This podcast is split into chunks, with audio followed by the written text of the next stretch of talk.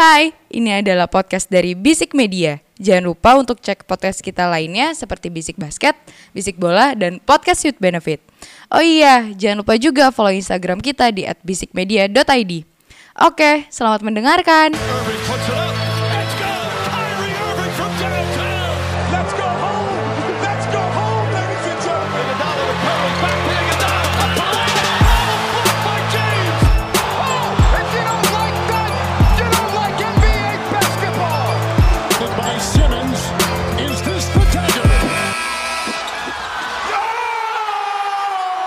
Episode terbaru dari Basic Basket, podcast putar basket NBA dan juga dalam negeri yang diulas secara santai sebagai pecandu basket. Candu, candu, candu. Senin malam setelah pekan kemarin kita libur. Oh, oh. Kalau kata anak muda sekarang sih healing. Healing-healing tai kucing. Healing, healing, kucing. healing, healing pussy poop. Karena itu perlu Ji, ya kan? Karena kita rutinitasnya nggak cuma di sini doang. Iya gitu loh. betul. Tapi kemarin udah ada yang nanyain bang episode episode minggu ini mana bang? Ah, Iya. tar dulu, Aduh. sorry libur dulu ya. Ma- Iya. mohon maaf nih, ng- Iya. ngapunten pisannya. Kalau aing kan lagi i- apa namanya ikut masa apa mos lah ibaratnya, masa orientasi. Oh iya masa orientasi. Kantor baru. Oh gitu. benar benar kan Ramji kantor baru. Em, gaji naik kak? Hah? Gaji naik kak? Masih standar, Ah. tapi enggak masih sama, Hmm, tapi yang penting happy. Oh happy. Iya dong. Berarti kemarin yang self feeling gua doang ya, nggak lu ya? Lu kan yang penting happy kan? Gue istirahat juga sejenak, Ah, iya, tenang aja. iya, iya, iya, iya, gitu, iya, iya. menikmati masa-masa pensiun dari kantor lama. Hmm. Gitu. Ya, Itu lu ada jeda berapa lama tuh dari? Kagak ada kantor? jedanya. Oh dari cuma beda sepekan doang?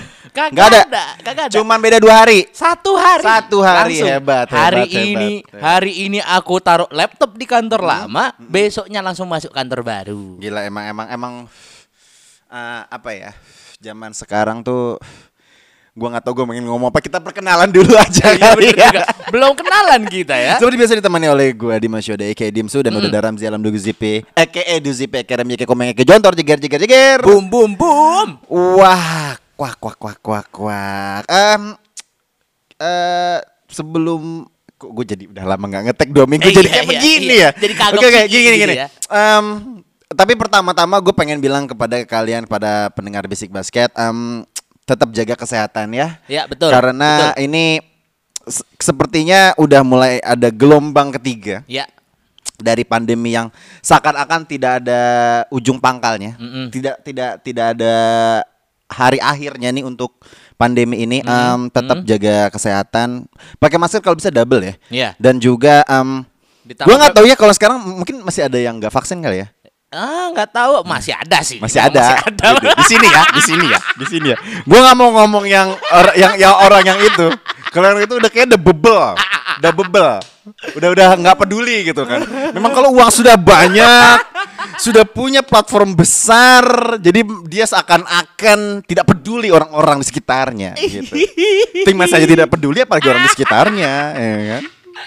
Aduh, Ya, maksud gue adalah yang penting em, jaga kesehatan. Kalau misalnya ada aktivitas yang mengharuskan kalian untuk keluar, eh, jaga diri. Jangan pokoknya eh, protokol kesehatan dipatuhi, Iya. pakai masker, cuci tangan, jaga jarak itu penting buat kalian Dan ya. gue juga eh, yang gue tahu juga sekarang udah level 3 kan sekarang Jabodetabek, Bali sama daerah mana lagi gue lupa. Ya pokoknya eh, kalau ada keharusan kalian untuk keluar ya.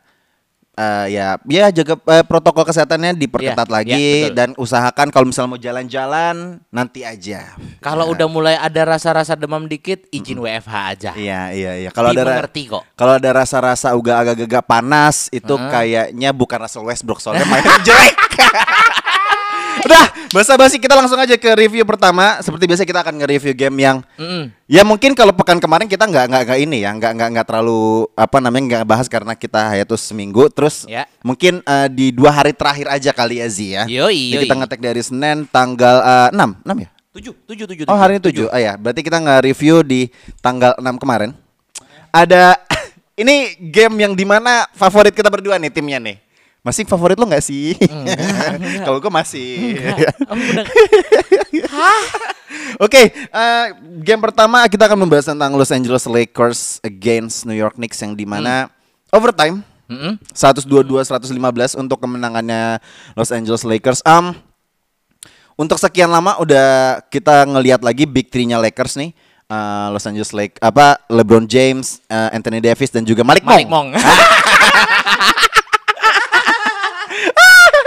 Monk oke. Eh, dan juga gue agak-agak eh, surprise ya dengan eh, New York Knicks ternyata ya game away yang di mana mereka bisa mengimbangi gitu. Ya. Eh, padahal yang gue lihat adalah mm, harusnya New York Knicks menurut gue menurut gue harusnya bisa memenangkan game ini tanpa harus Jauh, harus jelas, overtime gitu loh. jelas, Ta- Tapi jelas. despite of karena Kemba Walker-nya seems off banget di game ini hanya Iya, iya. 7 poin kayaknya. Ya, hanya 7 poin.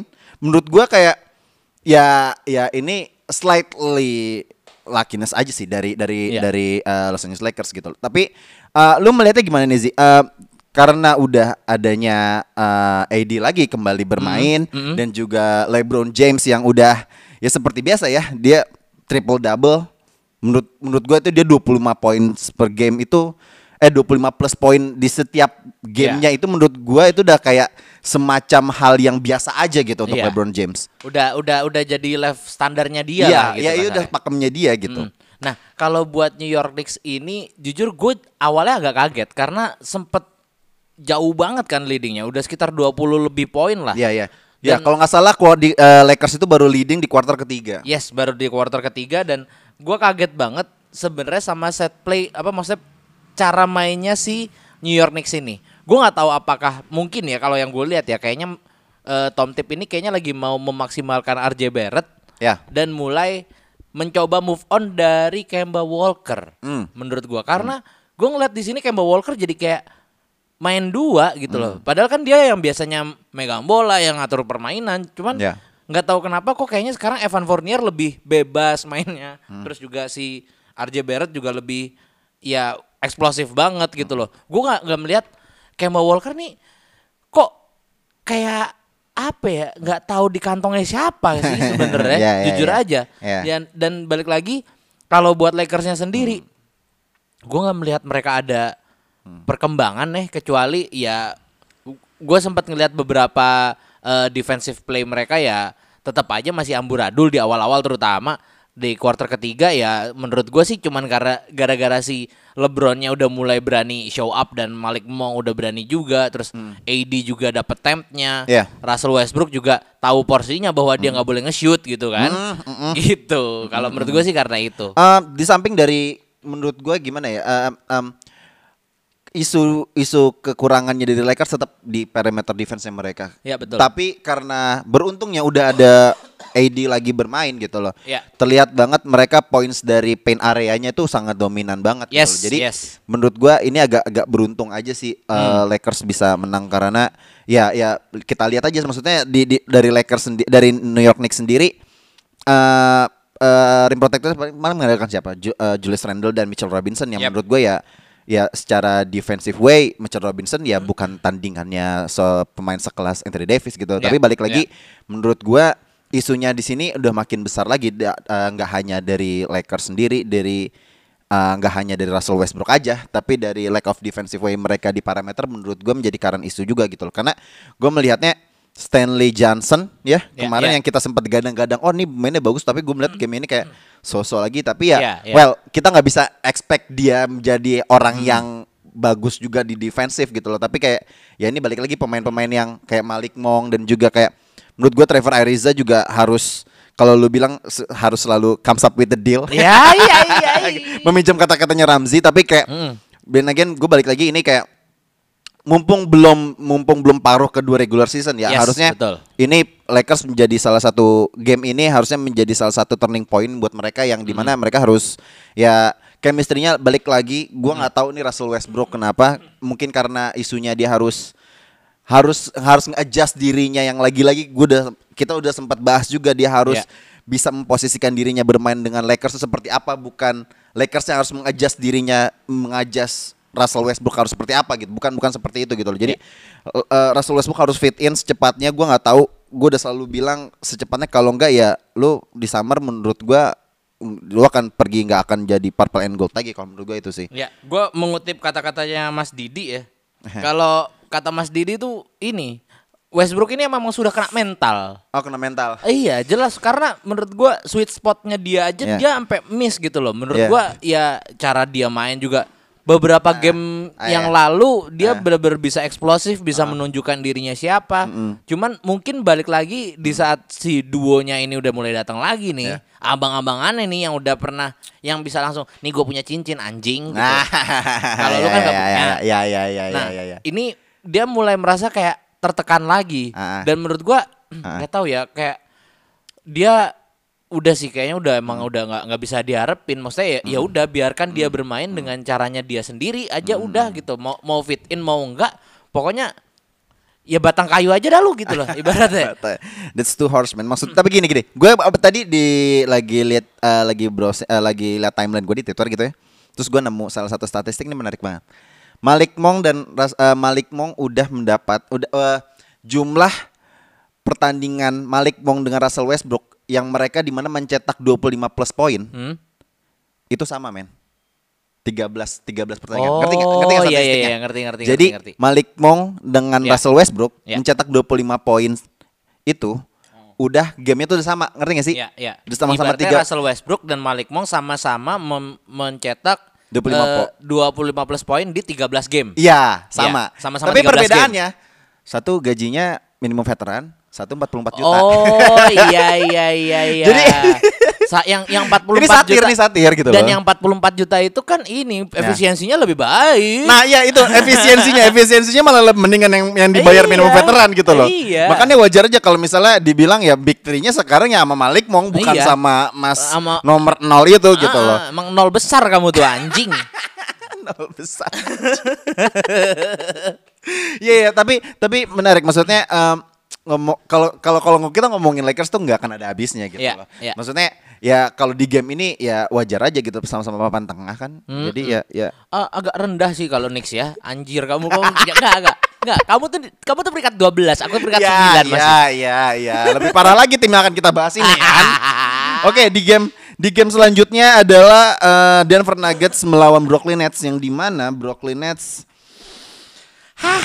ini adalah menjadi kekalahan mereka ke-8 beruntun yang di mana skornya adalah tadi gamenya tadi pagi ya. Iya. Gamenya tadi pagi yang di mana Bedanya- dimenangkan oleh Brooklyn Nets 124 104. Ah, kok gue nonton gamenya ini di di first half mereka masih kejar-kejaran. Mm, yes, betul. Tapi gue nggak tahu di di kuartal ketiga seems like uh, Denver udah kayak ngegas banget, Mm. Nets-nya juga udah mau defense aja gue nggak tahu mau kayak gimana gitu loh. Tapi terlepas dari game ini ya uh, babang yang tadi nggak vaksin itu main, ditinggalkan oleh pema- tim apa pema- apa rekannya yang abis lagi cedera MCL dan yang babang berjenggot gue nggak tahu kenapa dia nggak main. Lagi ini apa eh, apa eh, mau nyablon. Kayak nyablon sih apa sih? Ya gitulah pokoknya biar biar biar cakepan dikit Nah, gitu. pokoknya eh, Ka- Kyrie Irving cuma eh, cuma hanya Kyrie Irving doang Ya, eh, All-Star ya. player yang bermain di game ini untuk Ya. Brooklyn Nets. Um, gue nggak tahu masalahnya untuk Brooklyn Nets saat ini kenapa di mereka bisa sampai eight losing streak. Um, menurut lu menurut lu gimana? Apa-apa yang bisa ditelaah dari dari dari game ini dan juga untuk Brooklyn Nets sendiri? Gini, mereka itu sangat lemah di bawah Ya. dan sangat lemah di defense. Oke. Dua-duanya itu bener-bener kejawab banget di game ini. Lu tahu di defense under basketnya, blok tuh ada eh, blok terbanyak itu tiga Oke. dan itu Kyrie sama Bruce Brown. Hmm. Terus eh, kamu tahu yang dijadiin center siapa? Blake Siapa? Griffin. Blake Griffin mau ngapain kamu? Ya, ya, ya. Gini menurut gua gimana ya? Emang harus Bukan James Johnson ya? bukan James Johnson. James Johnson masih ditaruh di 4, Blake Griffinnya ditaruh di 5. Iya. Dan menurut gua lu harus bisa oke Oke. lah Blake Griffin tuh memang bener-bener in offense, offensive way bagus banget. Jujur di awal-awal bener-bener rapi banget mainnya bener-bener wangi juga. Iya. Tapi buat gua at defensive end di mana lu juga ketemunya lawannya Jokic. Jokic bisa triple double ya jelas lah lawan lu mismatch anjir gitu. Dan ini eh, Jokic tuh kak eh, yang gue baca ya tadi ya. Eh, Jokic itu lagi ngejar salah satu eh eh, achievement yang pernah diambil sama Will Chamberlain. Yaitu? Yaitu center dengan triple double terbanyak. Oke. Jadi tri- eh, si Wilt itu cuman tu- eh, udah 78, eh Jokic udah 71 which is Oke. cuman beda 7. Iya. Dan menurut gua bisa banget sih gitu. Dan kalau dari sisi gamenya, Hmm. gue ngeliat bloknya Will, Barton itu merubah segalanya. Hmm. Blok Will Barton tuh bener-bener dar semuanya langsung itu kejar-kejaran sampai bloknya Will Barton baru tuh langsung Denvernya Ya. bener-bener bisa terus eh, kena mental semua Kyrie jadi bau Black Griffin gak bisa ngapa-ngapain dan yang gue kesel adalah Kyrie ini eh, mengkontaminasi bisa dibilang mengkontaminasi temen-temennya Iya. jadi mereka semua bau semua gitu loh dan Iya. Kyrie tuh gue merasa kayak kok lu kayak lagi apa ya memaksakan diri banget gitu loh apa apa sih yang mau lu kejar gitu loh gue Iya. nggak tahu ya mungkin ya gue melihat Cam Thomas juga masih bagus cuman ya balik lagi dari temen-temennya nggak ada nggak Hmm. ada lagi yang masuk gitu sih Ah, gua gue menyorotinya bahwa ya oke lah Denver Nuggets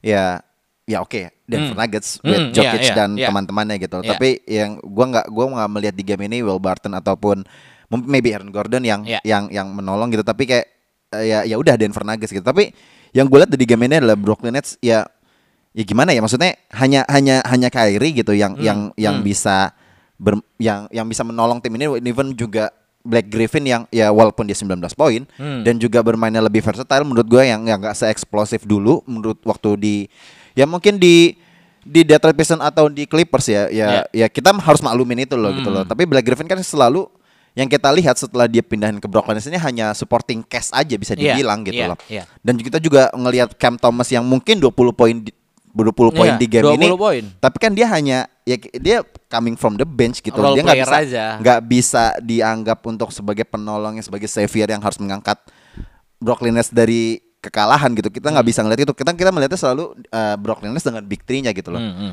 Tapi kita lanjut dengan dengan tema yang sekarang kita ngelihat ini Brooklyn Nets dengan eight, eight losing streak itu menurut lu red flag gak sih buat mereka nanti untuk di karena mereka sekarang mereka di peringkat 6 gitu loh. Iya. Mereka hampir ya kita bisa bilang sekarang East sudah sangat ketat banget Iya gitu. betul. Kalau misalnya lu bilang ini red flag, jujur iya banget. Karena gue nggak melihat adanya eh, chemistry yang terhubung di antara mereka bertiga. Ya. In friendship way, maksud gue ya masih ya mereka masih hai bareng. Tapi menurut gue kalau udah di lapangan beda cerita bos, Ya, ya, gitu loh. Bahkan menurut gua James Harden masih lebih mending main sama Clint Capella. Ah, Kyrie Irving masih lebih mending main sama ya. ya. Pengen membela tapi masih ketahan itu di tenggorokan. Ah, ya, ah, ah. terus Kevin Durant masih lebih mending main sama yang nol besar itu. tim yang di Oakland itu ya? Oh, Hah? ah, bukan nol besar. Oh iya iya. Ayo, eh, Iya, iya, iya, iya, iya, lanjut lanjut lanjut lanjut lanjut lanjut lanjut. Ah. Jadi ini ini take dari gua ya. Iya, iya. Kalau mereka stay bertiga dan lu begini-begini terus nih, maksudnya lu ya yang satu off apa segala macam, ya pun dalam satu season lu main semua Iya. bertiga gitu Iya, ya, Iya. it won't work. Oke. Percayalah, Oke. it won't work. So Ya. you have to udahlah, Udah. udahan aja gitu Udah. loh. Ah, elah. Ah, oke. Ah. Langsung ke konklukan konklukan konklusinya aja. Iya. Menurut lu untuk mereka bertiga ini apa yang yang harus di adjust? Maksud gua kayak harus ada yang berpindah kah? Atau Iya, mengganti mengganti Steve Nash kah? Harus ada yang pindah. Menurut gua Ah. gini, eh, Idealnya menurut lu kayak gimana? Harusnya kayak gimana? egonya masih terlalu besar, Harden juga masih terlalu besar, Kyrie juga gua nggak tahu. Gua ngelihatnya kayak dia pengen nunjukin banget gitu loh. Padahal lu tuh ya second scoring option jatuhnya. Hmm. Siapa? Kyrie. Oke. Dan lu juga udah memberikan statement seperti itu bahwa Iya. nih uh, orkestratornya selalu jadi Harden. Harden Heeh. adalah point guardnya. Gua hanya ya udah ngebantuin dia aja gitu. loh. Iya. Itu Dan- statement dia di awal musim kemarin kan? Iya, dan gimana ya? Eh gue juga paham sih maksudnya Hmm. eh, Kyrie ini terutama kayak di game yang tadi ya. Eh Kyrie itu punya 11 assist. Mm-mm. Yang lain itu assist paling banyak itu kalau nggak salah Cam Thomas 4. Oke. which sangat timpang sekali kan Hmm. asisnya which ya mereka mainnya bener-bener sekali habis sekali habis sekali habis dan yang bisa kayak gitu ya cuman Kyrie doang Hmm. Iya. mau nggak mau lu harus bergantung sama Kyrie gua nggak tahu kalau misalnya kayak gini terus Ah. mungkin opsi kedua yang paling tepat adalah ya lu ganti Steve Nash Iya. karena Harden Ya, menurut ya. gua gini dia nggak tahu porsi bahwa dia adalah third scoring option Siapa Harden? Harden Oke. di Steve Nash dia nggak tahu bagaimana eh, ibaratnya kayak magerin gitu loh. Lu tuh start, start scoring option. Lu tuh ini, lu harus main gini gini. Oke. Mereka kayak dibiasain aja jadi kayak boneka tahu gak? Jadi kayak itu ibaratnya tuh ya hanya icon aja Steve Nash di situ dan nggak ngapa-ngapain. Ya, ya. Menurut gua ini yang harus bisa di apa ya? dirombak sama boardnya Brooklyn Nets kalau tapi gua nggak tahu sih kayaknya emang udahlah lu Ya. Kayak masih mending zaman zamannya Caris Lever, terus Ya. masih ada Jared Dudley yang mereka ketawa-tawa gitu, Dudley, oke, ada oke. D'Angelo Russell, ada Jared Allen, itu masih lebih Kalau penting masih ada gitu D'Angelo. Russell nggak akan ada KD pak sekarang pak. Ah, iya sih, iya sih. ya, ya, ya. Tapi menarik. Gini, um, kita jarang banget ngelihat mereka big three-nya uh, Nets ya untuk bermain bareng di lapangan gitu loh. Hmm. Menurut gua ini yang ditunggu-tunggu para mungkin fansnya Nets ataupun fans NBA tuh mungkin ini mereka tuh kapan bisa main bertiga lagi gitu loh. Nggak usah, Itu udah. ya ya ya ya, ya terlihatnya kan sekarang kayak Eh, udah iya. semacam udah kayak buntu kan. Iya, iya. Mereka nggak pernah main bertiga, yang satu yang first scoring optionnya lagi cedera, ya mungkin nanti pas uh, All Star break selesai mungkin dia bisa main lagi, tapi kan ya kita nggak tahu ntar performanya seperti apa gitu loh. Iya. Dan Mas Kairi ini juga dengan ya cuman main setengah-setengah doang, Hmm. kita nggak bisa melihat mereka potensinya full. Peaknya Nets ini sampai mana sih? Iya. Apakah bisa menjadi tim yang uh, mengisi aja playoff Hmm. ataupun menjadi tim contending? Who knows? Kita nggak tahu mereka akan di titik seperti apa gitu loh. Hmm. Tapi eh, dengan Harden yang di beberapa media bilang dia pengen nyoba free agent lagi, eh di mencoba untuk free agent di summer nanti, Hmm. Iya. itu udah menjadi indikasi bahwa ini udah udah udah nggak works. works gitu ya Iya. seperti tadi lo bilang gitu loh.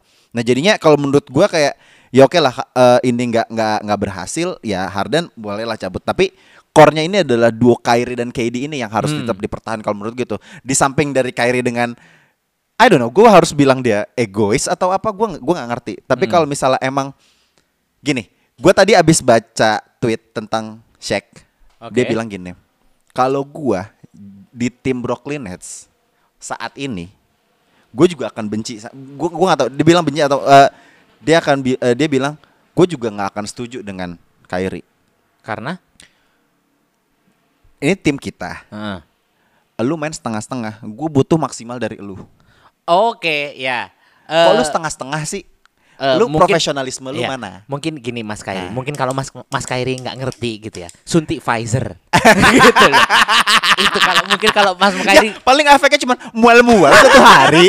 Tapi kan anda atlet, pasti efek itu tidak ada dong, iya kan? Paling cuma lemes doang di tempat suntik. Masa nggak mau vaksin? Eh, itu eh, bener. Kebas kamu, kebas gitu kan kalau kalau bisa habis itu kan kebas dikit, Iya. nggak ngaruh sama shooting form Ente kamu bang. suntik, besoknya juga main bisa. Full tim ente butuh ente. Gitu loh Mas Kairi, gitu loh. Nah, jadi jadi jadi intinya itu. Jadi Iya, poin gua iya, adalah gua ngerti poinnya dari Shaq ini dia Mm. bilang bahwa kalau lu profesional ya udah lu lakukan untuk yang terbaik untuk tim lu, tim lu. Jangan setengah-setengah, lu cuman intinya jangan peduli jangan jangan membawa ego lu dalam tim itu lu profesional being professional player aja kayak Dan gitu. jangan lu jadi beban gitu. Ini kan menjadi Iya. beban gitu loh karena ya mereka terbiasa dengan berdua doang nih, KD sama Harden. Ya udah mereka ya udah mereka main udah mulai agak padu gitu loh waktu Iya, itu. iya, Iya kan? Mereka sempat leading di East gitu. Tapi di saat Kyrie datang nih udah udah gue bilang kan waktu itu mulai agak-agak ada harus ada adjustment adjustment lagi di di antara mereka gitu loh. Itu yang jadi masalahnya. Atau mungkin bisa jadi kalau misalnya Mas Kyrie ini tidak mau disuntik juga, Heeh. kayaknya Kyrie aja yang pindah ke gua gua gua gua gua, gua Ke jilik. sih. Hah? Jilik? Jilik, jilik. Oh, oh Jilik. Gak mungkin dong. Hei, Gak gitu. mungkin dong. Tuker Westbrook dia bisa. Gak kayak gini. Jadi intinya dah karena karena gini, gua ngelihat eh, para pemain di Brooklyn Nets sendiri kalau misalnya big three-nya ini eh, lengkap semua gitu loh. Ini semacam trigger untuk para kayak kayak eh, cast kayak kayak kayak Black Griffin ataupun Ya. Cam Thomas ataupun siapa siapa pun pemainnya yang kayak James Johnson. Pokoknya semua pemain Nets selain big three-nya itu itu jadi semacam kayak itu akan jadi pemantiknya mereka gitu. Iya, oh, gue iya. bermain dengan pemain-pemain terbaik di dunia, Iya, pemain-pemain iya. terbaik di di NBA. Di Gue juga jadi harus timnas Amerika. Hah? Di timnas iya, Amerika, ah, mer- eh mereka timnas Amerika Iya, semua. ya. Maksud gue, team. maksud gue kayak mereka nih bakal menjadi oh ya gue bermain dengan pemain-pemain terbaik ya gue Hmm. juga harus memberikan pemain terbaik kalau misalnya mereka mereka juga dari ibaratnya gini mereka tuh role model gitu loh di tim Ya, mereka gitu loh. ya, ya, jadinya kalau misalnya ya, itu- kalau nggak menjadi kalau nggak memberikan contoh yang baik ya ya pemain-pemain kayak muda yang kayak Cam Thomas ataupun Claxton gitu-gitu ya kayak buat apa gue bermain di sini gitu loh. Walaupun Ya, mereka ya. minutes play-nya lebih banyak gitu loh. Buat duit lah sempak gitu. Iya, iya. Nah, Pasti dong. Profesional kan kerja gitu. Ja- ja- Tapi poin gue seperti itu gitu loh. Ini yang nggak akan nggak akan ya kita akan mencoret Nets kalau misalnya da- Ya. dari tim yang contending kalau mereka Ya. seperti ini terus begitu loh. Dan mungkin kalau gue boleh nambahin kata-katanya Shaq tadi ya, bahwa gini, eh, lu kan ibaratnya kayak pasti bakal kesel gitu loh kalau misalnya lu main setengah-setengah. Dan ditambah lagi, ini tuh udah bukan eranya untuk one man show or two Iya, man iya. show or Ya, walaupun two-man gue paham show. juga maksudnya kayak ada uh, player power juga gitu. Tapi Iya. ya do it Iya. wisely ya. Iya. Use it wisely gitu loh. lu lihat betapa sulitnya Bucks itu untuk menjuarai eh, NBA Finals tahun kemarin dengan tim dari Phoenix Suns yang ber- berpadu Iya. bener-bener solid. Nah, dan kalau lu lihat sekarang tuh udah semuanya udah rata-rata mainnya as a team gitu. Iya. Even Golden State Warriors mainnya as a team Iya, sekarang. iya, iya. Even Chicago Bulls sekarang. Lu lihat semua yang di atas deh. Oke, mereka masih punya satu superstarnya mereka. Miami Heat Miami yang Heat. yang kita nggak melihat. Iya, Iya. Jimmy Butler oke masih sa- jadi suatu superstar, tapi yang lain main juga Iya, gitu iya, loh. iya. Bukan main bertiga Jimbut eh, sama Tyler Hero sama Kyle Lowry doang, Ah, bukan berarti kayak ya. eh, eh, kayak bukan berarti kayak misalnya gol eh, si Steph Curry, Clay sama eh, Kevin Looney gitu. Kevin Looney gitu ada kan. Draymond loh di sana tapi kenapa Kevin Looney? Iya nggak apa-apa pengen aja Kevin Looney gitu. Itu nggak Gary Payton the second aja. Ah. eh, Gary Payton second ternyata ya, gitu. nggak tahu. Wah, peduli. Maksud gua ini udah bukan zamannya untuk lu one man show atau Ah. ya lu udah ah, cap- Ah, ah, capek nyet gitu. Tapi poinnya adalah, lu mau juara nggak sih? Atau Iya, lu emang iya, hanya iya. hanya gitu loh? Atau lu mau nongkrong doang ibaratnya Iya, nongkrong iya, abis iya, tuh abis iya. abis kelas ini tuh ibaratnya apa apa goals lu gitu loh untuk satu tim gitu? Lu tahu ka- kalau Nets tuh sekarang kayak apa? Apa? Kayak anak-anak bimbel nyari bimbel barengan gitu loh. Lah. Cuman biar biar biar pulangnya malam bareng ya kan bisa nongkrong bareng, sebat bareng, madol-madol bareng gitu doang udah. Kalau lolos PTN juga ntar masuk ke Iya. PTS. Oke, ya g- gua nggak tahu nih ntar Nets kayak gimana ya. Tapi ya we'll see lah. Seperti Hmm. biasa, gua melihatnya bahwa Nets ini ya dengan dengan aset yang segitu banyak, dengan dengan model pemain yang bagus, tapi entah dilemanya karena mereka nggak nggak klub atau apa ya kita lihat nanti lah dengan beberapa Ya. dinamika yang mereka hadapi Yes. ke depan nanti. Oke, eh, masuk ke eh, topik selanjutnya eh, kita mencoba ngomongin trade news ya kali ya. Hmm, boleh, Karena boleh, ada, boleh, ada beberapa pergerakan yang di mana menurut gua ya ini menarik tapi ya Iya sebenarnya nggak terlalu nggak terlalu boom ya karena Iya, trade iya. deadline di All Star ini nggak nggak nggak mungkin nggak nggak sebuah nanti di off season gitu. Iya, jelas, jelas. Yang pertama ada Norman Powell dan Robert Covington ke Clippers di trade dengan Bledsoe, Winslow dan beberapa draft pick yang dari Clippers. Menurut lu siapa yang menang di trade ini? Enggak, gue nggak bisa. Oke, jangan jangan bi- kita jangan membahas menang lah. Ah, menurut lu kenapa trade ini terjadi dan efeknya untuk Clippers dan juga untuk ah, Portland sendiri seperti apa? Jujur, Hmm. kalau dari gua, gua nggak ngerti ini maunya Clippers apa. Oke. Karena menurut gua lu Hmm. kekurangan jujur maksudnya oke lu punya Reggie Jackson gitu yang abis nyakitin hati gua ya Iya. kan udah AD udah keren-keren Iya. kamu malah muter-muter kayak sempak Kita gitu nggak bahas kayak Beyblade oh sorry Battle of LA sorry kemarin ya. sorry Enggak enggak bukan maksud gue kita nggak bahas Battle of LA Iya, kemarin. iya, iya. Gak skip ya udah lanjut nggak apa-apa. Nah, Emang eh, lebih penting Knicks kok. Ayo lanjut. Anjing, Big market lanjut. iya nah maksud gua Iya. lu cuman punya Reggie Jackson Iya. sedangkan lu ngambilnya Norman Powell yang Ah. menurut gua jatuhnya mainnya main di tiga Oke. Robert Covington mainnya di tiga juga. Oke.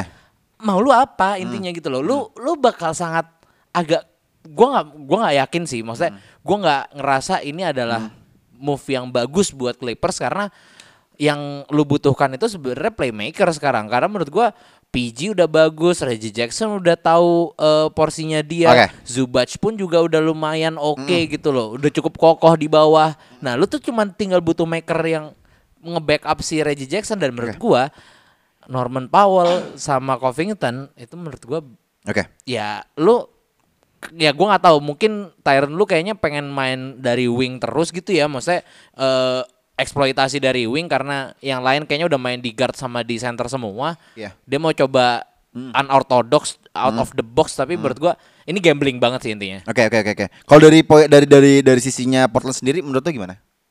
Ya udahlah ya. Ya udahlah. Iya udah Iya, iya, cuman iya. cuman lagi mikir gimana ngosongin ya biasa. Nah, ini ini menarik. Lu udah, Iya. udah menyinggung ini. Iya. Kalau menurut gua, pandangan gua dari trade ini adalah mm, dari sisinya Portland dulu ya. Hmm.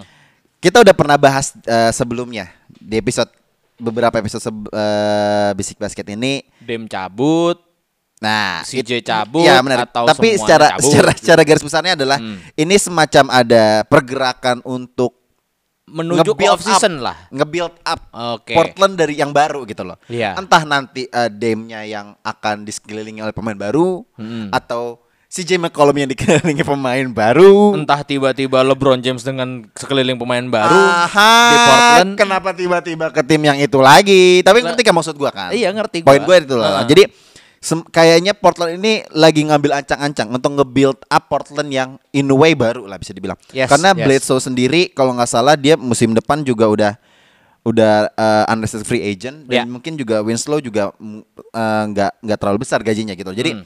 ya menurut gua ini semacam perombakan yang dilakukan Portland langkah pertama yang dilakukan Portland untuk merombak timnya di musim di musim akan datang gitu loh. Ya, Itu dari ya. sisi Portlandnya sendiri. Tapi kalau dari sisinya Clippers, Nah, menarik ini. Ya. Kalau menurut gua kita lihat uh, komposisinya mereka di musim ini nggak di nggak ada duonya mereka Kawhi yang ACL dan juga si PG yang cedera juga dan mereka berdua harus istirahat sepanjang musim ini. Mereka nggak akan main sepanjang musim ini kan. Ya. Tapi mereka harus tetap menjadi tim yang contending gitu loh. Gua nggak bisa bi- eh, sorry, sorry nggak contending. Tetap di papan atas lah Hah? Ya. gitu. Oke, oke. Papan oke. atas A- atau at least gue turunin lagi nih ekspektasinya nih. Gue turunin lagi. Masuk Setidaknya punya bekal untuk musim depan. Oh, oh Oke. musim depan bahkan musim ya. depan ya. Oke. Nah, karena kita lihat sendiri kalau misalnya lu tahu Norman Powell ini kontraknya itu di di awal musim kemarin atau awal musim ini dia dapat kontrak 4 juta 4 tahun untuk 90 juta dolar yang di mana menurut gue itu worth it banget gitu loh. Ya, Yang ya, di ya. mana musim ini Norman Powell itu udah 18 poin per game Yes, dan 40 yes. Persenan field goal yang di mana worth it banget gitu loh. Nah, eh, untuk pemain sekelas eh, wing player semacam Norman Powell menurut gue ini bagus banget untuk Clippers Yep, karena yep. tadi udah lu bilang sendiri guardnya itu udah ada eh, Reggie Jackson Ya. dan juga bermain di tengah yang mungkin ada Zubac dan juga di wingnya ada em, s- eh, Siapa? siapa yang pemain Mann. Prancis Eh, iya. Batum. Batum. Ya oh, kan? Nicholas Maksud Batum. gua- yang gua- jelek itu. Ah. Ya, nggak tahu. Pokoknya pokoknya itulah. Intinya adalah ini Clippers ini lagi mempersiapkan eh, aset-aset yang menurut gua akan bisa nge-support Yap. duonya mereka ini Ya, gitu loh. ya. Ini ancang-ancang maksud gua. Dan mereka juga ada Terrence Mann, ada Hmm. Luke Kennard yang di mana wing player yang sangat bagus. Menurut gua ini akan menjadi opsi yang di mana eh, Clippers mungkin nggak musim ini. Hmm. Musim ini memang mereka akan ya let's forget it about uh, jadi contending team gitu loh. Ya. Tapi gimana ntar musim depan gitu loh. Lu bayangin mereka punya wing player, aset player wing player yang banyak, guard yang bagus, forward yang mumpuni, tinggal nyari center aja yang bagus dengan aset yang sekian banyak, tinggal pilih aja. Oh ya ini yang nggak bagus udah singkirin buat di trade gitu. Bisa jadi kan? Itu mungkin salah satu ya, salah ya, satu ya, ya. triknya yang dilakukan oleh Clippers yang untuk mempersiapkan musim depan. Ya, Menurut gua itu ya. enggak musim sekarang, Hmm, hmm. tapi musim depan mereka akan sangat bagus banget gitu loh. Dengan beberapa long term contract yang beberapa pemain yang mereka punya. Kalau Ya. menurut gua itu sih. Ibaratnya mikirnya biar biar bikin kayak solid kayak Suns waktu itu Ya, lah awal-awal ya. gitu ya. mereka nge-build dulu nih, maksudnya chemistry-nya bagusin dulu Ya, tanpa pemain ya. duanya ini. Ya, setuju. PG dan Kawhi.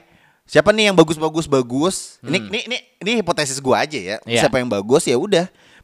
Paul momentumnya lagi bagus kok Terrence Mann juga Hmm, bagus. hmm, yang hmm. tadi lu bilang Reggie Jackson dan Luke Kennard menurut gue ya nggak ada salahnya juga gitu loh. Ya. Paling tinggal mempertimbangkan nih salary cap-nya gimana nih gitu kan iya. salary-nya kayak gimana apalagi kalau nggak salah salary cap-nya langsung naik luxury luxury tax-nya kalau nggak salah Kena. jadi 140 juta Oh, depan ya di mana mungkin akan lebih meningkat eh, lebih ya nge-stack lagi gitu Ya, loh lebih ya. lebih merampingkan lagi kalau menurut gue itu sih Oke.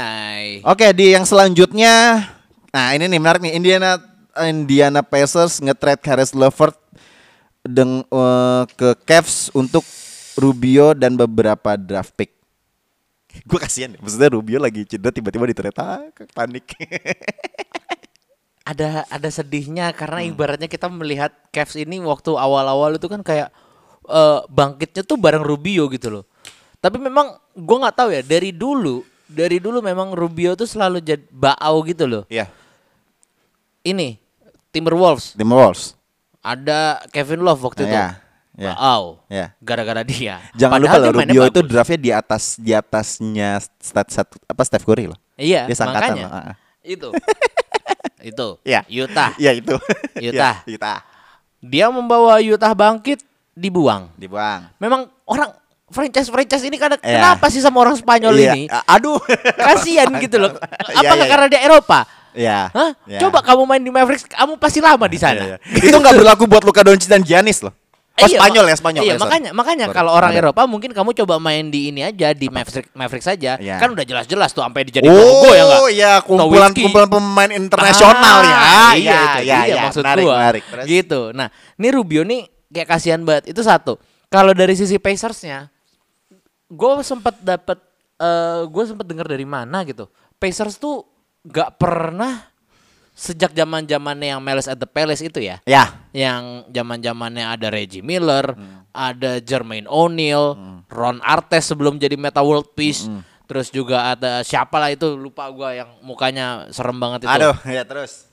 Nah, eh mereka tuh nggak pernah menjadi tim yang ber berkotending Hmm. bah even bahkan pas zaman zamannya Paul George juga mereka masih belum Sesederhana ini, sesederhana gini aja sih. Ah. Kapan sih kita ngomongin Indiana Pacers? ah itu dan kan? menurut gua sekarang tuh lagi dapat momentumnya loh Ya. lu kalau lu lihat ber, dari pemainnya sekarang ya Ya. ada Mas. siapa Sebonis ada Brogdon ada Caris LeVert yang akhirnya pindah ini menurut gua Miles tapi- Turner.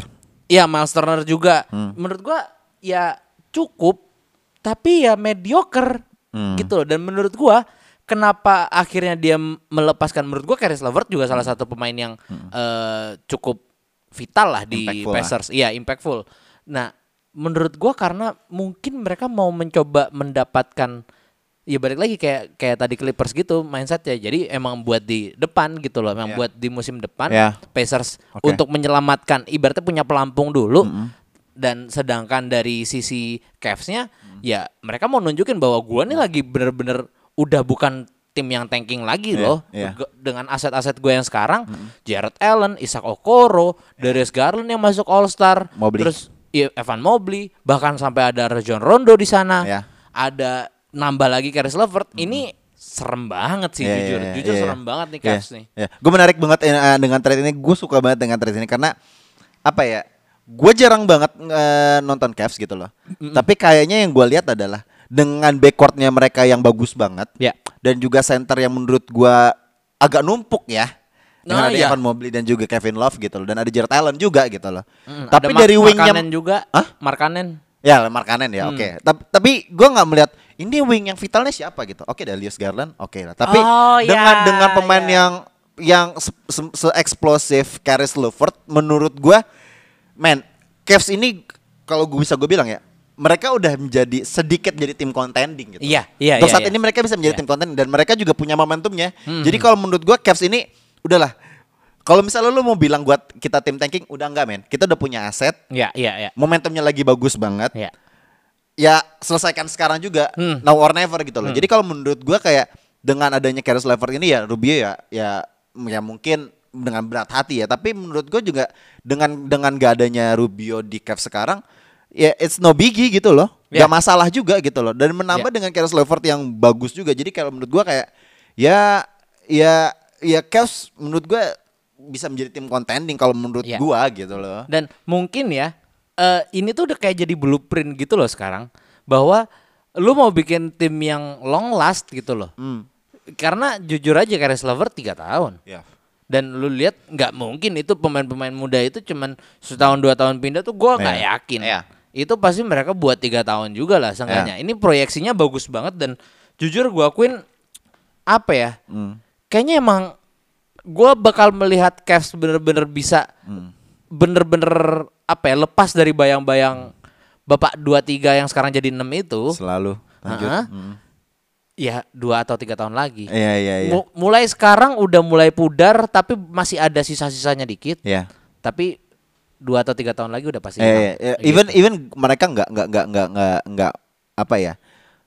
Ya mungkin musim ini sebagai trialnya aja. Ya, Tapi ya, bonus kalau ya. musim depan kalau misalnya mereka tetap konsisten gitu loh. Yap. Yang gua harapkan adalah mereka konsistennya itu. Karena takutnya ya ya kalau tadi lu udah ngomongin LeBron, gue boleh bi- bias dikit ya. Boleh dong, boleh dong, ya. boleh dong. Karena gue melihatnya kemarin kayak Knicks kemarin punya momentumnya mereka di peringkat 4 wilayah ba- wilayah timur, tapi di first round exit gue sedih banget gitu loh. Tapi nah, dan kita lihat musim ini gitu loh. Ya. Peringkat 12 menjadi tim yang tanking lagi. Gue takutnya seperti itu gitu loh. Gue takutnya seperti itu gitu loh. Iya. Tapi dengan harapan yang menurut gue dengan Cavs yang yang timnya solid seperti saat ini Iya, gitu loh dan iya. aset mu- aset pemain mudanya yang menurut gua yang nggak bisa dibedakan dengan Knicks juga gitu loh. Tapi Iya. kayaknya aset-aset yang dimiliki oleh Cavs saat ini adalah mentalitinya lebih ke build Darius Garland yang bagus banget dan Evan Iya. Mobley salah satu kandidat Rookie of the Year menurut gua itu salah satu model yang yang dimiliki Cavs yang menurut gua ya ya semoga eh, harapan apa namanya persepsi gue salah gitu loh terhadap Iya. eh, Cavs musim ini gitu loh. Dan mungkin ini ada back adalah backup plan untuk rencana membuang Colin Sexton yang sudah menjadi sampah Hey, karena Darius hey, Garland hey, lebih baik hey. daripada Caris LeVert. Hey, hey, kok ngomong suka bener? Colin Sexton, oh my god, gue Iya. lupa ada pemain itu anjir, anjir Sosokan yang bull yang bull. Iya, bull. Ayo, ingat gak waktu, waktu 2018 waktu dia di draft dia kan sempat bilang, ayo LeBron kita kembali ke NBA Finals. Salah paket siapa peduli dan lu siapa rookie anjir. Mungkin kalau Evan Mobley yang ngomong kayak gitu agak-agak dilirik dikit lah. Tidak peduli juga Oh, kayaknya LeBron. Oke, nah kalau eh, kalau yang yang seka, yang selanjutnya ini ini belum kejadian ya, tapi hanya isu, hanya isu. Ben Simmons and James Harden trade isu ini menurut lo gimana sih? Akan kejadian kah? Apakah ini hanya eh, apa ibaratnya ya? Hanya obrolan tongkrongan aja kah? obrolan-obrolan eh, warkop aja gitu loh, obrolan-obrolan di pangkas rambut, ngerti gak sih? Masalahnya kalau Ah. ini pun obrolan pangkas rambut, mereka juga ada di situ kan. Kan tadi gue bilang orang tiga dari Nas itu kan sebenarnya anak lagi nyari bimbel Iya. bareng gitu, lagi nongkrong di warkop bareng. Sama-sama anak tongkrongannya nih, lu lagi Iya. ngegibah nih mereka bertiga nih. Ya, ya, gimana, gimana? Kalau menurut gue pribadi, sejujur jujur jujurnya, Ya. ini as in apa ya? As Brooklyn Nets nggak win juga sih, Hmm. nggak win juga. Tapi as Sixers win mampus, jelas karena lu- Hmm. Jelas. Nah apa bisa menduetkan Embiid, mentriokan bahkan Embiid, Tobias sama Harden. Hmm. Lu bayangin itu tiga-tiganya semuanya semua lini udah punya kaptennya masing-masing. Ya. Ya mungkin eh, Joel Embiid mem- mengkapteni dirinya sendiri gitu karena Ya. dia sendirian di bawah Ya, nggak? ya. gitu. Dan gimana ya kayak Hmm. kalau misalnya emang beneran kejadian ya mungkin gue nggak berharap untuk eh, relationshipnya di antara Kyrie KD sama Ben Simmons ini nanti bakal eh, berjalan baik gitu ya. Hmm. Cuman kayaknya ya worth to try, Mm-mm. tapi gue nggak yakin it works. Mm-mm. Mungkin kamu coba cari eh, yang nam huruf depannya namanya huruf depannya depannya K, biar kakak gitu maksudnya. Eh, eh, eh, eh, eh. Kakak, kak, kak. kak, Aduh iya kak, kakak kakak Chris Middleton. Sih? Gua Iya nggak Chris iya gitu maksudnya. Ya udah. Ah, ya, ya, Mungkin ya, Clay ya, ya. Thompson mungkin nggak tahu kan? Hey. Hey. Kalau ngomong suka ngaco, tapi kok kayaknya agak bener. Enggak jadi gini gini. Kalau- menurut gua dari trade kalau misal isu dari trade Ben Simmons dengan James Harden ini Hmm. kita harus ngelihat perannya dari si Daryl Morey sendiri. Hmm. Gua melihatnya bahwa eh, Sixers ini harus ya kita lihat lah bahwa Sixers ini udah nggak works banget dengan Ben Simmons Yes, gitu loh. yes. Tapi Daryl Morey emang sih nggak pengen rugi gitu Hmm. loh. Nggak mau nggak mau rugi nih orangnya kan. Dia tra- eh, Sa- na- Sacramento nawarin De'Aaron Fox sama Buddy Hield sama Tyrese Haliburton Iya, aja iya, nggak mau gitu loh. Itu, nah, gila, anjing. tapi gue tapi seingat gue di awal musim itu kalau nggak salah Daryl Morey itu emang udah pengen nge-trade James Harden dengan Ben Simmons. Iya, iya, Pokoknya iya, pengen iya, melakukan betul. trade itu gitu loh. Nah tapi nggak tahu nih di di di eh, tra- eh, trade deadline ini akan terjadi atau enggak. Tapi kalau menurut gue adalah ini masih jauh dari dari kata deal gitu loh. Karena package-nya sendiri masih belum belum belum belum belum ketahuan nih. Ya, Tapi obrolannya udah ada. Tapi menurut gue adalah eh, kalau misalnya trade ini terjadi gitu loh. Hmm. Ini win-win solution banget buat kedua tim. Satu, di kalau Harden sendiri dia butuh salah satu eh, new start lah. Hmm, Dan hmm, gua ya. nggak tahu kalau misalnya nanti eh, dengan Joel Embiid seperti apa, tapi Hmm. menurut gua dengan dengan eh, adanya James Harden, gila men, Ya, backcourtnya ya. Philly akan sangat-sangat mengerikan banget gitu loh. Dengan adanya ya mungkin udah ada set, udah ada juga Danny Green. eh, Danny Green, Korkmaz. Maxey, Korkmaz Iya, Ty- Tyrese Maxey. dan Taibul Wah. menurut gua akan mengerikan sekali gitu loh. Iya. Tapi dan dari sisinya Netsnya sendiri, em Ben Simmons akan menjadi salah satu. Gua akan ngelihatnya dia akan menjadi wing player lagi. Iya. Akan ditempatkan jadi forward karena kalau misalnya di guard buset lulus jago apa bisa ngegeser Kyrie kan gitu. Dengan forwardnya ada Ben Simmons dan juga KD ditambah dengan Kyrie yang sebagai orkestrator menurut Iya. gua akan ini akan menjadi hal yang seger banget buat Brooklyn Nets dan yang gue lihat sendiri adalah kayaknya ini akan mengerikan banget gitu. Iya, Kalau jelas. gue itu sih dengan kalau misalnya trade ini terjadi dan seingat gua di di package trade ini akan melibatkan Tobias Harris juga. Wow. Jadi kalau menurut gua Brooklyn akan lebih akan sangat-sangat cuan banget nih kalau trade ini terjadi gitu loh. Nah makanya kalau buat gue sendiri trade ini akan sangat-sangat kemungkinan terjadi tapi ya kita lihat sendiri Daryl Morey-nya mau apa enggak. Intinya itu. Iya sih, masalahnya ya susah juga sih karena kalau misalnya apa ya, Tobias juga menurut gua salah satu pemain vital juga di Iya. di Sixers gitu loh. Tapi aduh, aduh, gua nggak siap sih ngeliat Tobias Harris ganti ganti Ya. jersey gitu Karena kan loh menurut jujur aja. bagus bang, masih masih masih masih bagus sih, Heeh. gitu. Oke, that's it for uh, trade news ya. Ya, Ya. ya kita nggak tahu nih nanti nih Ben Simmons uh, Harden trade issue ini bakal kejadian apa enggak ya. Tapi kalau misalnya kejadian gue ini ini seru banget sih. Ya, Iya ya. kan. Oke, kita masuk ke preview yang di mana kita akan uh, memprediksi game sepekan ke depan. Anjas. Ih, gue masih geli loh. Kenapa sih udah udah 90 sekian episode gue masih ih gitu. Oke, di hari Rabu ada Los Angeles Lakers melawan Milwaukee Bucks. Who you got? Hmm. Milwaukee Bucks melawan Los Angeles Lakers. Oke, kita setuju dengan. Iya. Gak tapi tapi eh, ini akan menjadi satu ujian buat Lakers yang di mana lu akan mendapatkan pemain apa menghadapi tim yang all around gitu loh. Iya, Yang iya. eksplosif di dalam juga di parameternya lu bagus-bagus. Iya. Dan yang seperti gua bilang Budenholzer ini ngeracik Bucks ini sangat-sangat pas gitu loh. Ya. Skemanya tuh banyak banget. Kalau misalnya nggak Giannis main sendiri, ada Chris Middleton yang akan memberikan skema permainan gitu loh. Hmm. Dan juga ada beberapa case-nya dari si Bucks sendiri yang bisa bermain gitu. Hmm, loh. hmm, Menurut tuh Udah Lakers udah bisa menghandle itu nggak? Enggak, enggak mungkin bisa. Sekarang gini, perimeter defense jelek. Di bawah defense AD kalang kabut pasti ketemu sama apa Giannis dan balik Iya. lagi Giannis itu match up-nya bukan sama empat tapi sama lima Ya. dan limanya siapa mereka siapa gitu loh limanya AD. mereka ya pada akhirnya AD kan dan udah undersize banget gitu loh dan menurut gua bukan sorry, undersize sorry. Kalau misalnya undersize gue menurut gua enggak. belum Tapi iya. ketahanan badannya Ah, AD ini loh. iya kalau udah Menghadapi meringis- Mitchell Robinson sama Julius Randle aja udah sakit-sakitan, Iya, Pak. meringis Siki kan Iya. langsung aduh even even though dia nyetak 29 poin nih ya di game Iya. lawan Knicks ya. Iya. Dia meringis Siki tuh bawaannya pen aku langsung PCR aja kamu gitu loh. Bukan langsung kayak ini eh, jantungnya apa langsung deg-deg aduh Iya. jangan ya gitu. gitu. Dan apa ya kalau dari perimeter juga balik lagi ada Grayson Allen segala, ada Chris Middleton juga. Dia mungkin gue cuma ngasih satu pesan kali ya buat. Bucks sih kali ya. Heeh. Kalau bisa Grayson Allen cidrain Westbrook aja deh. Jangan, jangan, jangan. Kok doa kamu jahat sih? Walaupun kadang-kadang bener. Gak boleh gitu. Aduh, Siapa yang so- berharap doanya Ramzi terkabul? Saya. ya, tapi tapi menurut gua it's kita kan selalu nge-compare eh, dari match up-nya ya. Ya. Karena gue melihatnya ya Giannis eh, mungkin akan match up dengan LeBron or AD, gua nggak Ya. tahu. Chris Middleton juga mungkin nggak tahu, mungkin Westbrook, gua nggak ngerti. Cuman Hmm. eh, kalau misalnya dari match up-nya dari eh, supporting cast-nya dari dari pemain Hmm. selain yang All Star yang menurut gua eh, Bucks unggul banget. Jangan lupa Bobby Portis pem- pemain favorit Ah, lo. yoi, yoi, Yang menurut gua makin mantep dan, dan makin makin bersinar. Menurut gua kayak DiVincenzo juga udah time lagi dan ya Grayson Allen juga menurut gua ya di, sam- di samping dirty plays-nya dia yang sering Iya. dilakukan gitu loh. Tapi dia as a defending dan juga offensive way dia juga nolong gitu loh. Dan gua melihatnya bahwa Lakers sendiri gua nggak tahu ada harapan di mana kalau misalnya gue tuh pengen banget gitu yang ngeliat Lakers gitu ya kayak kayak trionya siapa ya? Ya trionya tuh kayak kayak ini loh yang Trionya masuk- hit deh.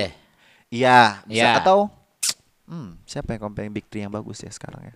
Kayaknya Sekarang nggak ada. nggak ada. Paling Golden State Warriors waktu itu. Oke, bisa jadi. Nah, gue tuh gue tuh pengen banget gitu ngeliatin eh, ada statistik di mana LeBron 20 poin something something atau triple double, AD-nya double double gitu. Westbrooknya bisa triple double gitu. Itu tuh tuh harapan gua banget gitu loh. Mungkin harapan para fans Lakers dan, khususnya juga lu gitu loh. Kayaknya gue tuh pengen ngeliat itu gitu loh, Zi. Kayak gitu tuh baru sekali doang deh setahu gua. Saya ingat gua ya, bener-bener mereka bertiga Awal-awal bener-bener- musim kan? Iya, iya. Iya. Dan itu bener-bener mereka mainnya bagus banget menurut gua. Ya Nah, itu yang menurut gua susah tuh sih, harapan-harapan gua tuh seperti itu. gitu. Mm-mm. Nah, mungkin kalau misalnya satu kunci kemenangannya si Lakers ya balik lagi Stanley Johnson bisa main yang agak-agak wah juga gitu loh. Jadi X factornya si eh, Lakers sendiri. Ya. Jadi waktu gue lupa deh waktu itu di gamenya Ah. lawan siapa gitu Lakers lawan siapa, yang lainnya pada off, dianya yang bener-bener bisa, aduh kata-kata gue keluar lagi. Kamu sampai itu deal. Kayak gitu. Ntar gua kasih kontra kamu sampai itu nanti di tiap episode terus. kayak gitu ya paling Stanley Johnson atau enggak ya Austin Reeves siapa tahu ya kayak waktu itu beberapa kali eh pernah dia bikin buzzer beater nah itu yang yang diharapkan sama para fans-fans Lakers gitu di mana kalau udah gue nggak mau mengharapkan Westbrook, iya. Westbrook Udah kita kita gini deh, kita tuh udah skeptis banget sama Russell Westbrook ya. Gue udah berharap ya udah Malik Monk aja bermain konsisten. Iya, That's it. Gue hanya iya. punya peduli itu. iya nomor nol itu kan sekarang ini namanya eh, batang kayu gitu loh Jahat. Udah Mulut batang kayu. jahat. Jadi menurut lu siapa? Milwaukee. fix Oke, Milwaukee. Gue juga. Ah, di hari Jumat, hmm. Milwaukee akan menghadapi Phoenix Suns. Nah, ini baru seru.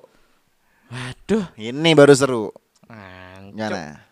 Gimana gimana gimana gimana? dari luar wah ini ini ya It's aduh gonna be a tough matchup sih. apa eh, replay final tahun kemarin ya Betul. Ini pertemuan mereka ke berapa ya? Gue lupa. gue lupa juga lagi aduh gimana ya kayaknya Phoenix sih kayaknya gue masih ya? melihat kayak Phoenix Ini ini game eh, ini eh, apa namanya eh, away gamenya si Milwaukee ya. hmm. Road gamenya si Milwaukee. Kalau menurut gue sih, I wanna say Suns. ya Either.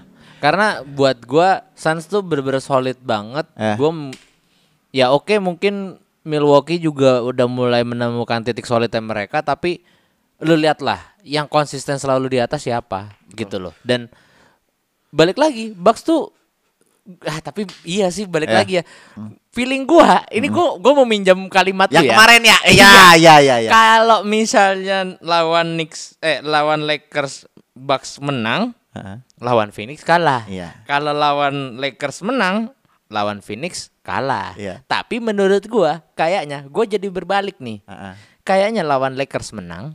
Lakersnya. Jadi Milwaukee Bucks kalah, lawan Suns menang, Milwaukee Bucks. Iya.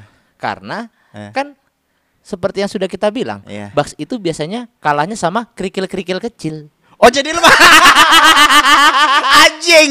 Seru seru seru seru seru seru seru. Ya ya ya ya ya ya. Oh, tapi di game ini gue juga I would say Suns gonna win the game sih. Oke. Kalau menurut gue sih Oke, karena apa ya? eh, analisa gua bagus Ya dong. ya ya.